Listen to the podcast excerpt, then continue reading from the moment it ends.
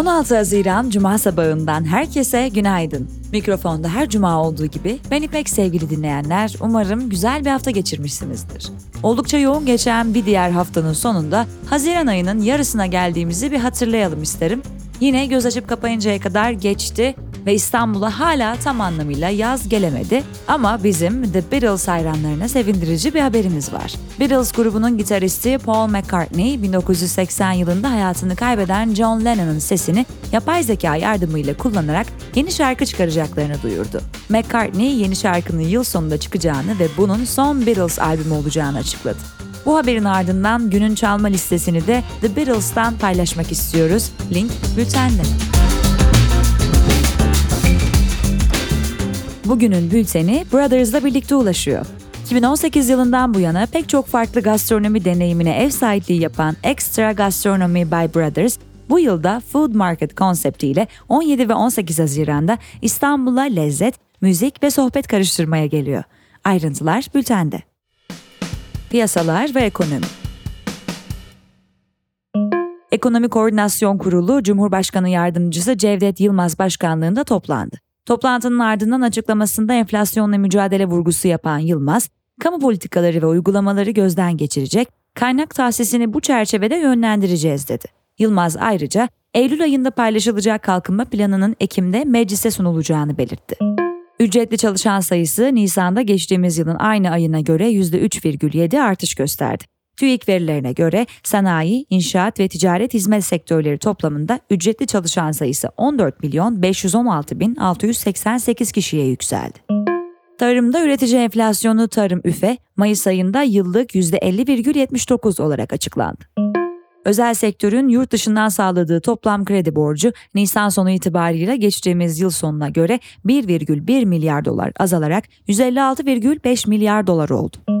Avrupa Merkez Bankası beklentilere paralel şekilde faiz oranlarını 25 bas puan artırdı. Böylece gecelik mevduat faizi %3,50 ile 22 yılın en yüksek değerine ulaşırken %4,00'a çıkarılan ana refinansman faizi de 2008 krizinden bu yana en yüksek seviyesini gördü.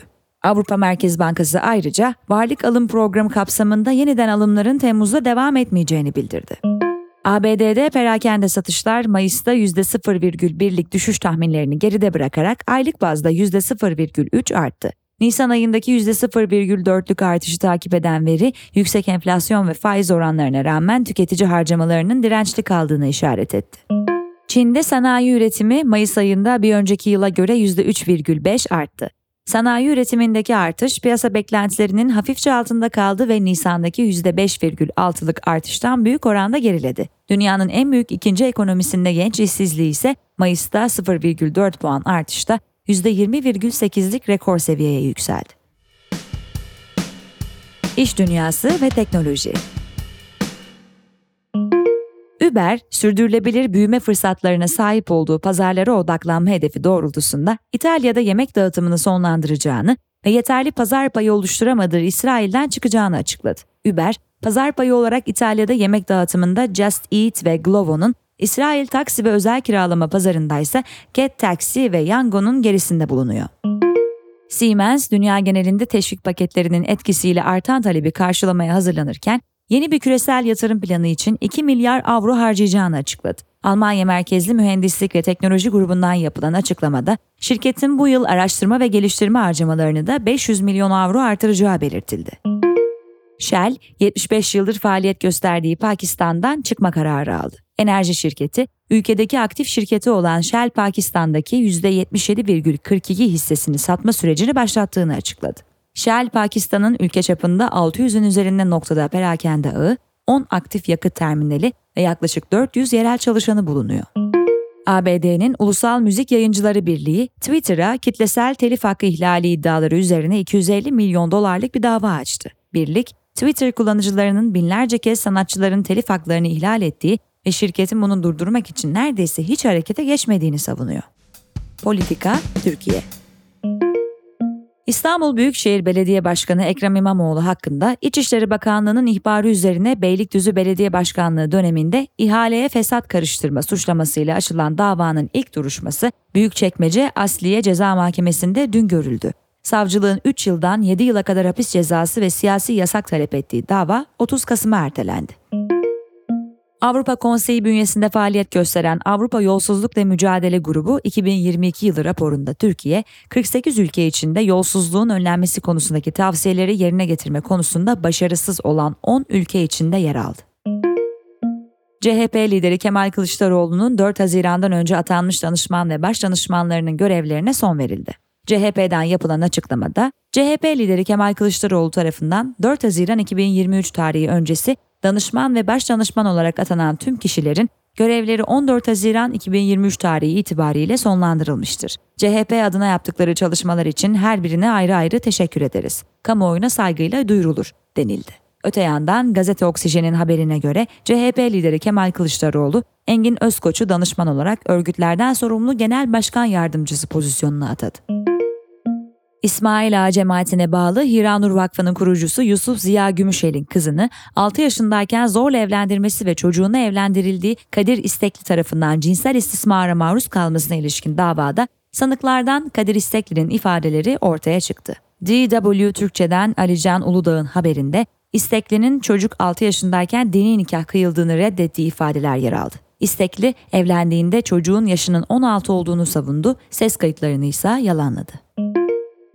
Deva Partisi kurucu üyesi olan emekli binbaşı Metin Gürcan, gizli bilgileri temin etme suçundan 5 yıl hapis cezasına çarptırıldı. Politika, Dünya Birleşik Krallık'ta Avam Kamerası İmtiyaz İnceleme Komitesi eski Başbakan Boris Johnson'la ilgili yayımladığı raporda Partygate adı verilen Johnson'ın pandemi döneminde başbakanlık konusunda verilen partilere ilişkin parlamentoyu kasıtlı olarak yanılttığı sonucuna vardı. Rusya parlamentoda geçirdiği yasayla ülkede ameliyat veya medeni durum yoluyla cinsiyet değişikliğini yasakladı. Yapılan açıklamada cinsiyet değişikliğine yönelik tıbbi müdahalelere ve tıbbi müdahale olmaksızın cinsiyet geçişlerinin nüfus kaydına ilişkin değişimlerine yasak getiren yasa tasarısı onaylanmıştır denildi. Almanya, ülke tarihinin ilk kapsamlı ulusal güvenlik stratejisini açıkladı. Öngörülebilir gelecek için en büyük güvenlik tehdidi olarak Rusya'yı işaret eden Almanya hükümeti, stratejisinde Çin'in hem bir rakip hem de bir ortak olduğunu ifade etti. Yunanistan'ın Mora Yarımadası'nda batan göçmen teknesinde bulunan 79 kişinin hayatını kaybetmesinin ardından ülkede 3 gün ulusal yas ilan edildi.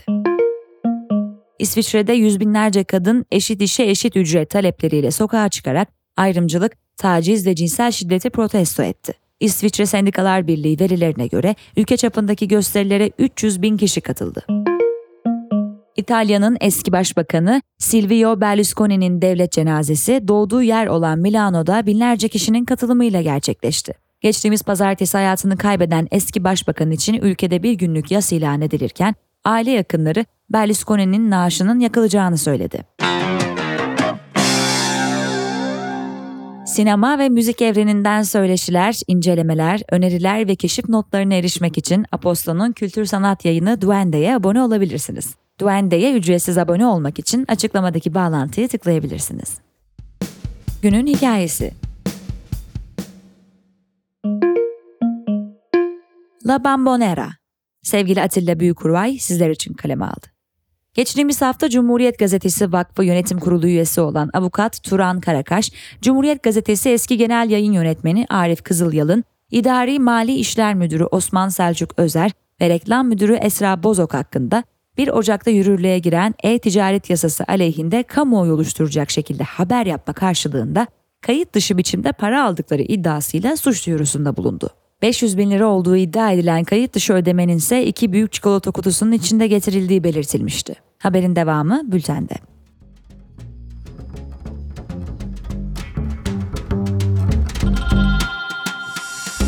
Evet sevgili dinleyenler, bugünün bülteni Brothers'la birlikte ulaştı.